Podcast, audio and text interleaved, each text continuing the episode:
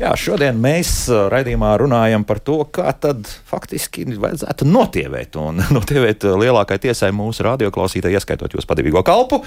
Nu, kā sanāk, tā sanāk, bet tieši tāpēc arī pacientu biedrība par sirdelvē ir sākusi šo akciju viegli būt. Un Ines tūlīt arī nedaudz izstāstīs par tiem būtiskākiem notikumiem, jā, kas ir akcijas laikā, kas notiks.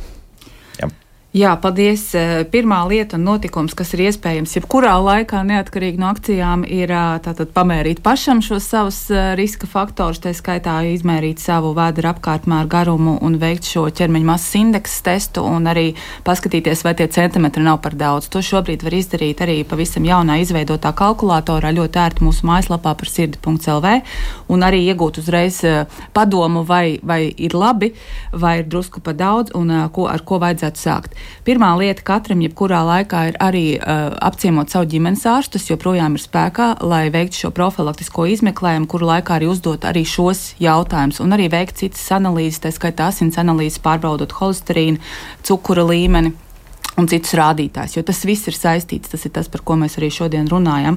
Savukārt, tieši šīs ilgtermiņa akcijas viegli būt ietveros, tās pirmās lietas, ko mēs arī vēlamies piedāvāt cilvēkiem, lai sniegtu šo atbalstu, ir iespēja arī konsultēties ar speciālistiem. Šajā gadījumā tās ir konsultācijas tiešsaistē ar uzturu speciālistu un kardiologu.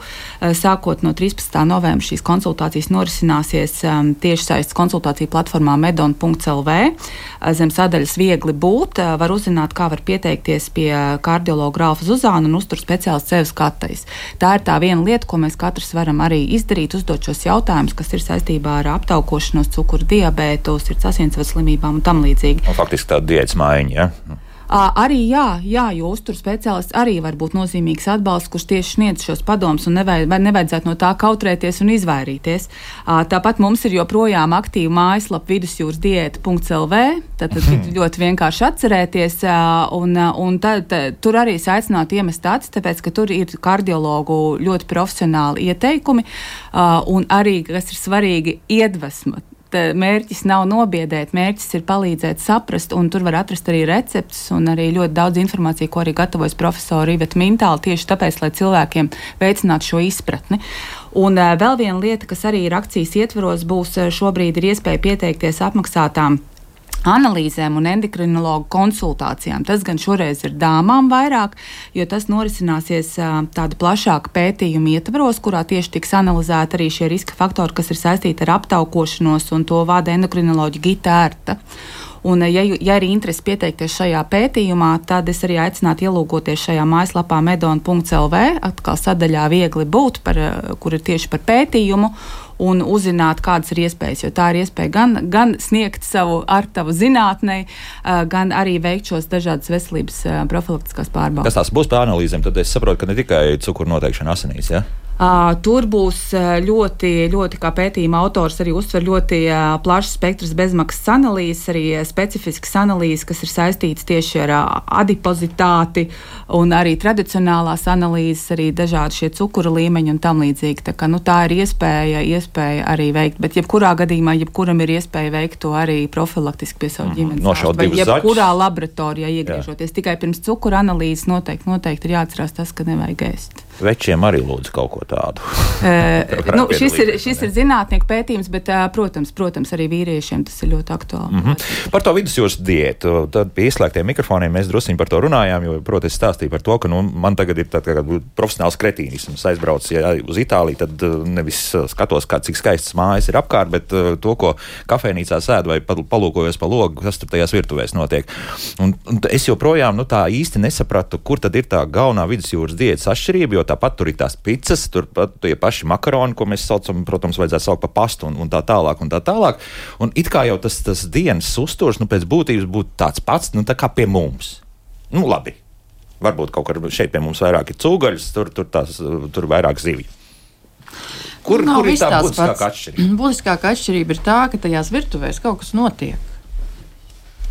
Jā. Itāļu virtuvēs visu laiku kaut kas notiek. Tur tiek gatavots nevis pasūtīts ēdiens no kaut kurienes. Un labākā gadījumā varbūt no tās plasmas kastes izlikts arī uz normālu šķīvi, bet tur tiek gatavot. Bet viņam ļoti daudz arī ieskrietūs ir. Jā. Burtiski ieskrietos, kur Jā, ir ieskrietos. visus maizes bāzes, cep daudz, kas, piemēram, tur kaut kas krējumam līdzīgs tāds pildījums ar, ar tātad kukurūzas graudiņiem. Jā, nu, tātad, tāds lūdzu, lieli tādi Ja mēs divi tā brauktu uz Neapoli, mēs noteikti Jā. skatītos katrs uz citām lietām un redzētu pavisam citu ēdienu. Nē, es skatos visur, tāpēc, ka, nu, kā jau teicu, jo vairāk profesori Mintāli nāk pie mums, jo vairāk es vēroju, kas tur pie tās vidas jūras īsti notiek.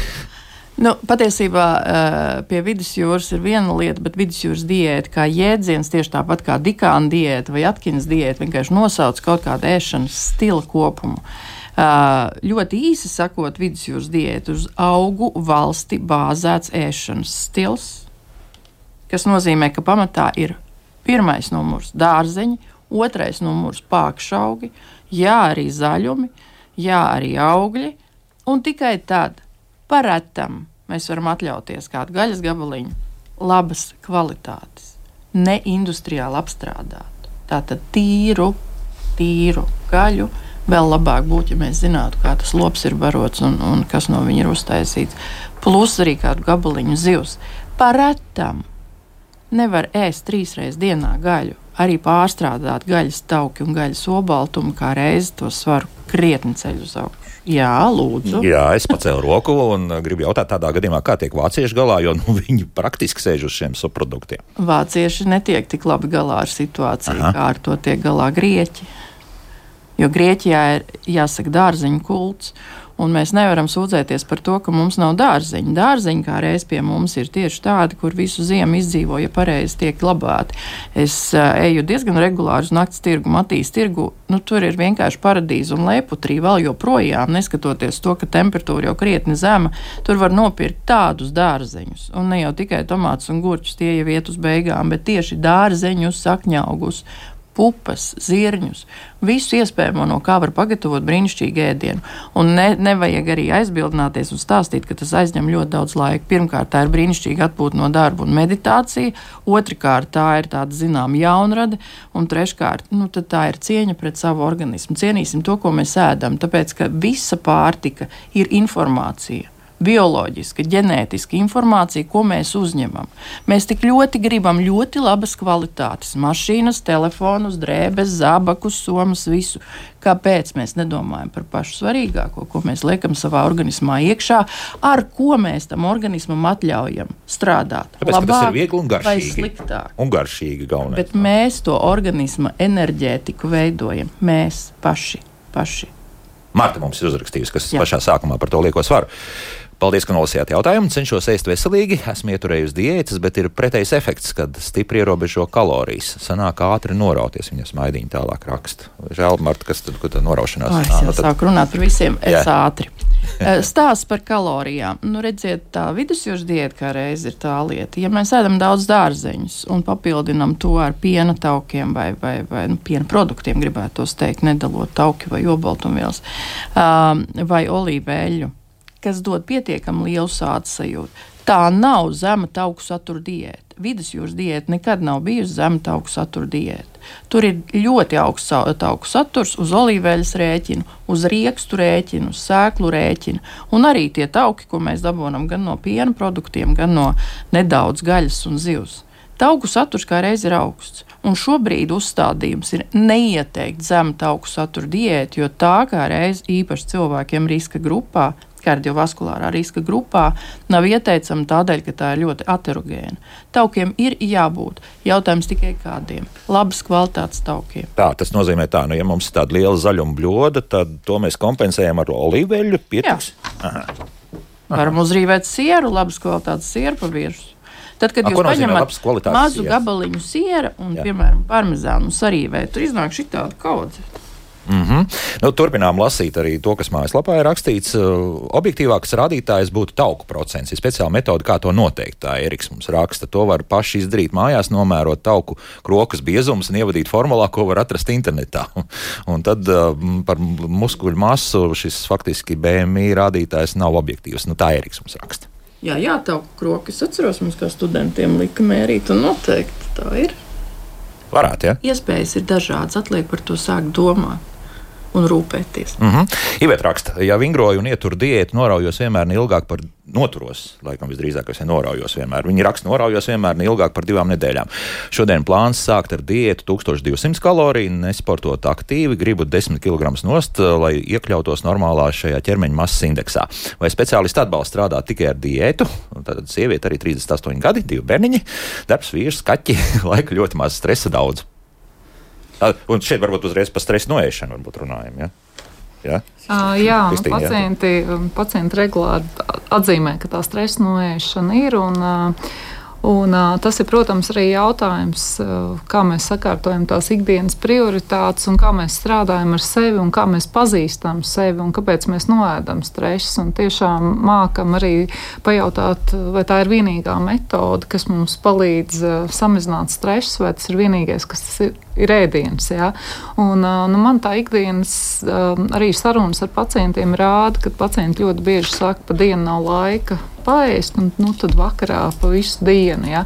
Un tas arī atkal ir stāsts par vērtību prioritātēm. Ja mēs dienas laikā tiešām atrodam laiku, ja tā un tai zupai vai kaut kādiem salātiem un dārziņiem, tad jau arī vakarā nebūs tas bats un nebūs jāpēda pa visu dienu. Ja? Un, kā arī Iveta teica, ir ļoti svarīgi tas, ko mēs sēdam. Ja? teiksim, arī Amerikā mēs zinām, ka visur ir rakstīts fats free, un mēs ļoti grēkojam ar ogļhidrātiem, tieši šiem ātriem ogļhidrātiem, ko var nu, ļoti ātri iemest mutē, ja, ja mums ir citas vērtība, prioritātes, bez tā ēdiena, un beig, beigās nu, tās sekas ir tas liekais svars, jo mums ir svarīgāk būt sociālajos tīklos, svarīgāk izdarīt citas lietas, un tas ēdiens, teiksim, liekas, no ātri izlaidīs no kastītes, un tas rezultāts tāpēc ir tāds slikts. Ja. Uh, jā, un īstenībā nu, tā tauku krokai jā, tai, tai ir nozīme, jo tie vēdera tauki tiešām ir visbīstamākie. Jā. Bet atkal, atkal Itālija un, un tās pusdienas, laikam tās vajadzētu saukt par pusdienām, ir ļoti vēlu viņiem. Uh, nu, ko tad ir, mēs darīsim? Mēs tā nedrīkstam darīt. Nē, es, es noteikti neiecentrētos par kaut kādiem konkrētiem ēšanas laikiem, ja vien mm. ēšana būtu sadalīta regulāri vismaz trīs ēdienreizes dienā. Regulāri. Nevis ik pēc stundas, bet tomēr ieturot kaut kādu visiem tik ļoti patīkamu badošanās. Nu, normāli fizioloģiski badošanās ir nēst naktī. Numur viens likums. Un ēst tomēr dienā ar kaut kādām 4-5 stundu pārtraukumu. Tas ir arī viss. Un, ja jūs ēdat vakarā deviņos un neiet uzreiz gulēt un nepēdat tā kā milzu kalnu ēdienu, Nu, par ko nē, ja vēl pēc tam ir kāda grāmata vai kāda filma vai dieniņa, tas viss lēnām arī pārstrādās. Varbūt krosiņš vakarā, kas zina. Varbūt krosiņš. Jā, jā. Krosiņš ir viena lieta, bet tieši arī ļoti daudz cilvēku saka, nu viņiem nav tā darba diena ir gara un nav laika fiziskām aktivitātēm. Tas ir tas, ko regulāri saka endokrinologam atkal ar savu smutu, es pat pieņemšanā rādu pacientam, kā ir pareizi jātaisa presa, jo tie vēdera tauki ir visbīstamākie. Un ja katru dienu, kaut vai desmit minūtes no tā laika, ko cilvēks pavada sociālajos tīklos, viņš uztaisītu presi, bet apzināti, klātesoši, uz izelpu, nedarīt citas lietas paralēli, tas rezultāts ir. Un viņš reāli tas strādā. Desmit minūtes, jebkurš var atrast katru dienu, nolikt tepiķīt no rīta, vakarā mājās. Tas neprasa braukt uz sporta zāli vai kur. Un tas strādā tikpat, kā mēs neaizmirstam paēst vakarā vai būt sociālos tīklos. Tās desmit minūtes, un to nevajag uzskatīt, ka tā ir tāda kaut kāda ekstra. Tā ir vienkārši, to vajag pieņemt, ka tā ir tāda normāla dienas sastāvdaļa. Tā vēderpresa mēs runājam. Jā, jā, jā, jo kā mēs runājam, vēdera tauki, aknu aptaukošanās, viņa neapšaubām ir visbīstamākā. Bet vēders ir visslinkākā zona, ko es arī saviem pacientiem saku, ar kuru ir jāstrādā atsevišķi. Kājas mēs pa dienu nostaigājam. Jā. Mēs tomēr pakustamies, ja, bet ar vēderu ir jāstrādā atsevišķi. Bet ko tas nozīmē? Jo, proti, nu, tur jau tev, tie muskuļi jau tur ir, bet nu, tas tas tāds - pavirši un no apakšs tur. Tas ir stāsts par insulīna rezistenci, ja, kas veidojās šajās taukainajos apstākļos. Insulīns, ko hormons, kas mums ir atbildīgs arī par cukuru vielmaiņu, viņš daudz sliktāk darbojas.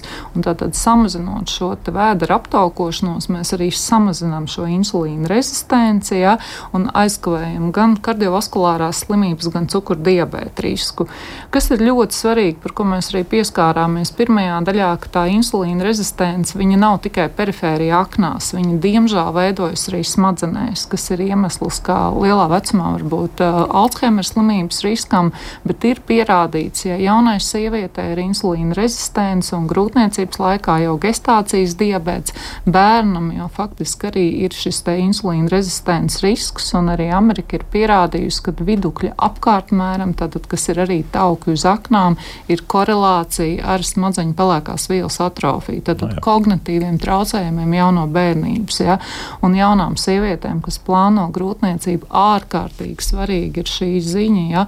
ka tieši arī plānojot grūtniecību, ļoti jādomā par veselīgu uzturu, par svaru samazināšanos, jo tas skar ne tikai viņu personīgi, bet arī bērniņu. Jo šis diabetes pāriet, savukārt nākamajai paudzei parādās lielāki riski. Ja? Ne tikai diabētam, bet arī sirds asinsvadu slimībām, kognitīvai funkcijai un tā tālāk. Mm -hmm. Labi, lasu mājaslapā daudz komentāru ir sasūtīti arī jautājumi. Nu, piemēram, Guido raksta šādi: nometas smēķēšana svars pieaug no 70 kg uz 90 kustos, svars nekrītas. Jāsāk atkal smēķēt. Nē, smēķēt gan nav jāsāk. Tas ir muļķīgākais, ko apzinā, apzinīgā vecumā var darīt sev. Uh, smēķēt nav jāsāk, bet drusciņi jāsaskaņo un jāsabalansē kustības un atkalēšana. Jo parasti tiek nomets mēķēšana, parasti grib grabstīties pēc kaut kā salda. Un faktiski tā, tā, tā grabstīšanās tautas valodā runājot, tieši tā arī, man liekas, ir vissliktākā svaram. Tie cilvēki arī ļoti bieži man pacienti ir teikuši, tad, kad viņi atmet tādu ēšanu, uzkošanu starp ēdienreizēm vai arī pie televizora novāc pilnīgi visus trauciņus no galda nost, brīnišķīgi, burtiski pāris mēnešos var tikt vismaz no 5-6 kg nost. Tāda disciplīna, jā, tāda ēšanas disciplīna. Nu, bet disciplīna, drusciņā tāda atbildība pret sevi, pēc tam to ir grūti saglabāt. Pēc tam disciplīnai, gribot, negribot, būs jā, jābūt, jāēd zāles ir katru dienu, rītā un vakarā, jāiet pie ārsta regulāri, vēl jāizdara, nedod Dievs kaut kādas manipulācijas vai operācijas. Tur disciplīna būs piespiedu kārtā. Tāpēc nu, labāk savākties laicīgi. Visi taču esam apzinīgi būt. Mm -hmm.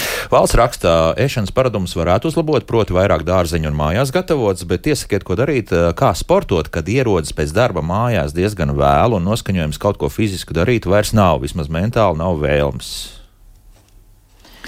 Nu, kaut vai pastaigi, jā, faktiski pētījumi ir pierādījuši par adipozitāti, ja mēs arī runājam par šīm adipozitātes sekām, ka pat pastaiga dabā šī pusstunda, pēc, kas jums arī būs, teiksim, meditācija pēc darba, viņi arī samazina tauku saturu sirds epikardijā, kas ir arī saistīts ar sirds mazspējas attīstību. Pat ja jums vizuāli uzreiz nav tas lielais svara efekts, ja, kas mums ir jāatcerās, ka adipozs organisms ar lieko svaru, viņš ir hroniski iekais iekaisis. Ja?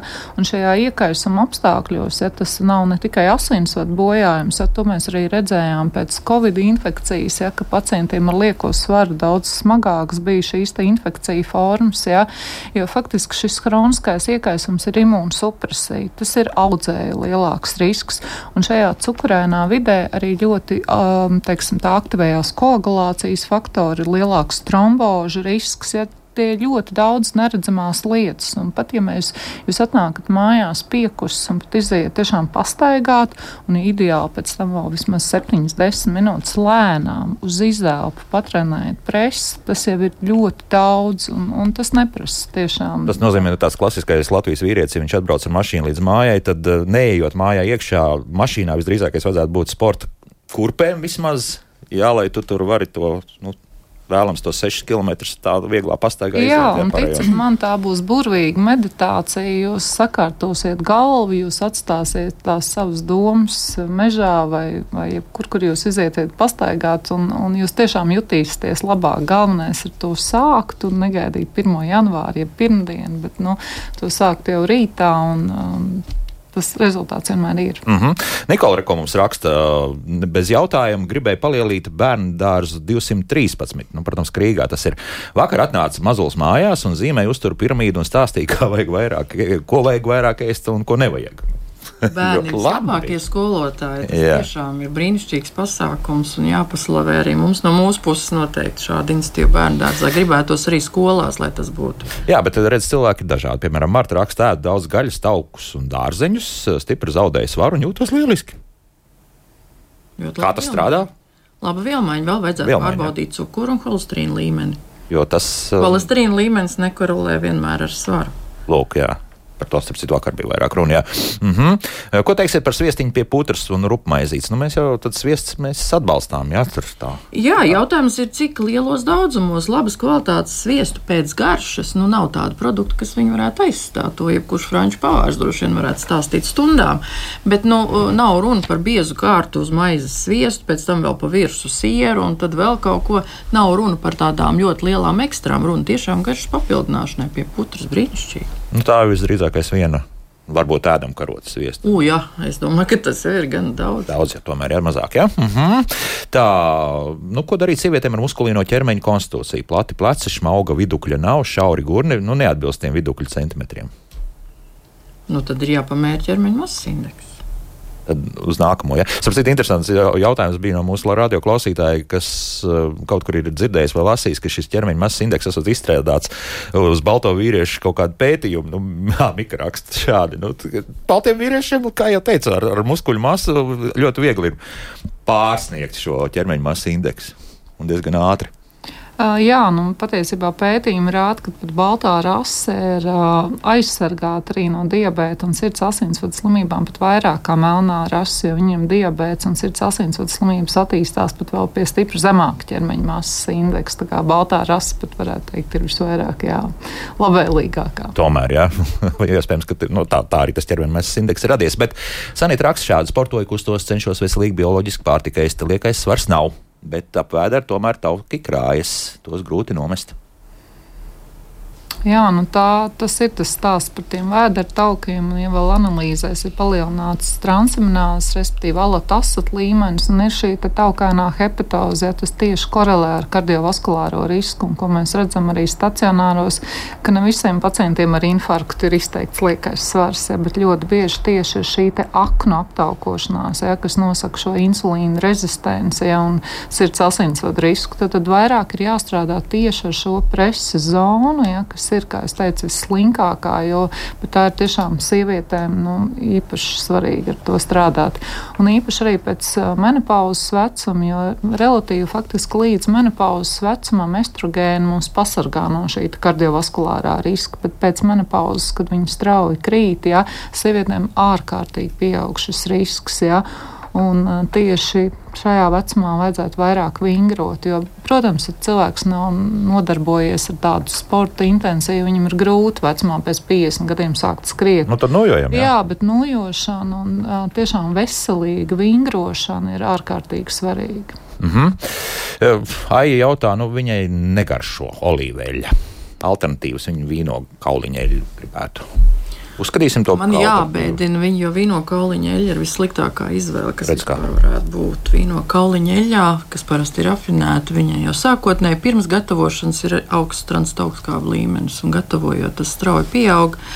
Plus sēklu eļļas vispār nevajadzētu lietot uzturā, tāpēc ka tās ātri oksidējas arī mehāniski spiežot, plus vēl mainot temperatūru un spiedienu. Sēklu eļļas nebūs labākā izvēle. Ne ķirbju, ne lineļu. Mm, linu eļļu noteikti nē, linu eļļu vienīgais, kā var lietot, tas ir tikko, tikko pirms ēšanas linsēklas eh, saspiest miezarī vai arī lietot tādas, kādas viņas ir. Jo lino eļļa kā reiz oksidējas ārkārtīgi ātri, mm. visātrāk. Tā, mums jau ir, mēs laiku esam pārsnieguši, bet tomēr nu, tāds, tāds vēl kāds vienkāršs ieteikums, ko vēl varētu darīt, lai, lai tomēr to drusku ķermeņa masu mazinātu. Nu, iemācīties vispirms saprast, mēs paši Mēs paši ļoti daudz ko varam darīt, darīt lietas labā. Mēs savā labā un savu bērnu labā. Tas ir pirmais solis. Un tad, kad mēs domājam un cienam un gribam saprast, kas šobrīd ir izdarāms, lai rīt varētu dzīvot labi, tieši tāpat kā mēs iekrājam naudu, atliekam kaut kādas lietas, plānojam uz priekšu, veselība ir tieši tāda pati lieta. Es tikai gribētu apgalvot, ka daudz svarīgāk nekā kaut kāda naudas iekrājuma. Kristīna, Jā, par... protams, un to, ko es gribētu piebilst, ko mēs arī šodien redzam, ka tas ir multidisciplinārs komandas darbs, un kas ir jāsāk jau no bērnības. Arī ļoti svarīgi ir vecāka izglītošana. Šis pats stāsts par šo bērnu dārzu, ja, stāst, kad arī ļoti daudz caur vecāku izglītošanu, jo bērns jau ir pilnīgi atkarīgs no tradīcijām ģimenē, gan sportā, gan uzturā. Ja. Tas ir jāsāk no ma mazotnes visās instancēs - ģimenē, bērndārzā, skolā, ja, lai saprastu to svarīgumu un arī tās liekas var konsekvences. Ja negribat skriet, nu tad ejam vismaz garās pastaigās. Ja. Tieši tā. Velo ergometrijas speciāliste, kardioloģe, profesori Iveta Mintāle, par sirdelvē vadītāja Ines Mauriņa. Par sirdelvē skatāmies visu informāciju, kas attiecas uz akciju. Mājaslapā par sirdi.lv. Tieši tā. Jā, un endokrinoloģija Kristīna Ducena bija kopā ar mums. Paldies par sarunu. Pirmdien mēģināsim nebiedēt uh, mūsu radioklausītājs, bet tomēr runāsim par e-komerciju un drošumu. Cik tad mēs varam droši justies internetu vidē, veicot arī pirkumus. Arī par to pirmdienas raidījumā. Kustamies un ēdam arī prātīgi. Atā!